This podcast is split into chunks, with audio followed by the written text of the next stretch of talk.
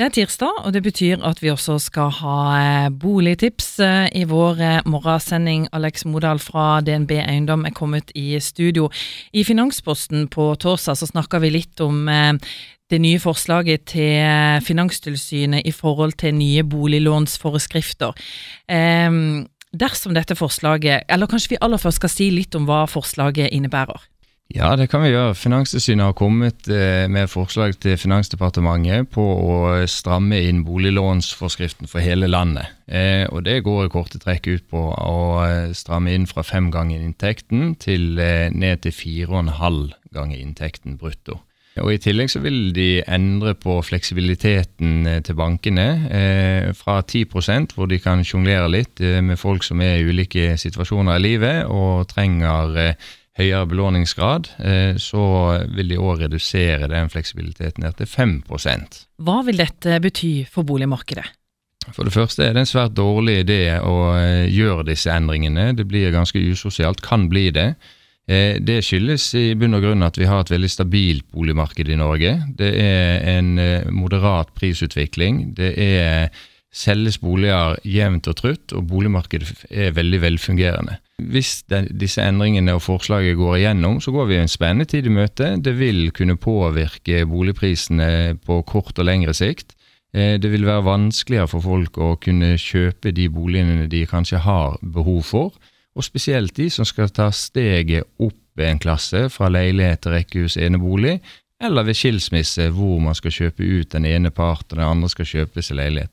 Det vil skape en ubalanse og gjøre det vanskeligere for folk flest. I dag så kan man eh, låne fem ganger inntekten. Nå er forslaget at dette skal ned til 4,5% pluss at det skal bli litt vanskeligere for eh, bankene å gjøre unntak. Alex Modal i DNB Eiendom, du sier at dette vil også påvirke boligmarkedet. og Er det spesielt de unge som på en måte vil tape her?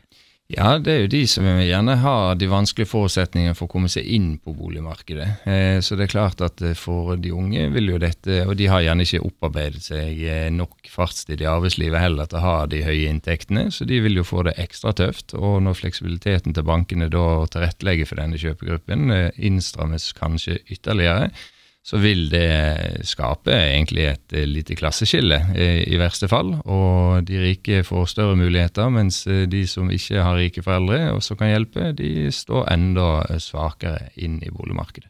For mange vil vel påstå at det er på en måte strengt nok i dag?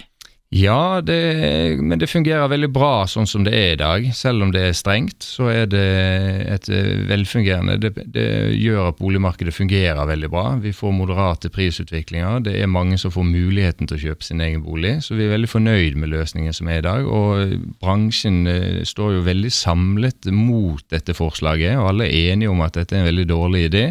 Eh, selv bankene, DNB og alle de andre store bankene signaliserer det samme. Norges Eiendomsmeglerforbund er ute og kritiserer forslaget også.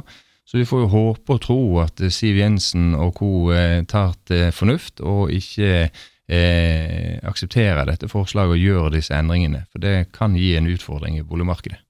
Som du sier, banker og Eiendomsmeglerforbundet de reagerer sterkt på forslaget.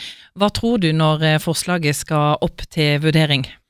Ja, Det blir veldig spennende å, å, se utfallet på dette. Jeg eh, håper og tror at sunn fornuft seirer til slutt, og at vi ser eh, at vi kan beholde den løsningen vi har. Det er en fin regulering på utlånspraksisen sånn som vi opplever det. Eh, og så tror jeg at eh, det vil eh, føre til at vi fortsatt får et stabilt og godt boligmarked fremover, med et marked for folket, og at flest mulig får muligheten til å kjøpe seg sin egen bolig.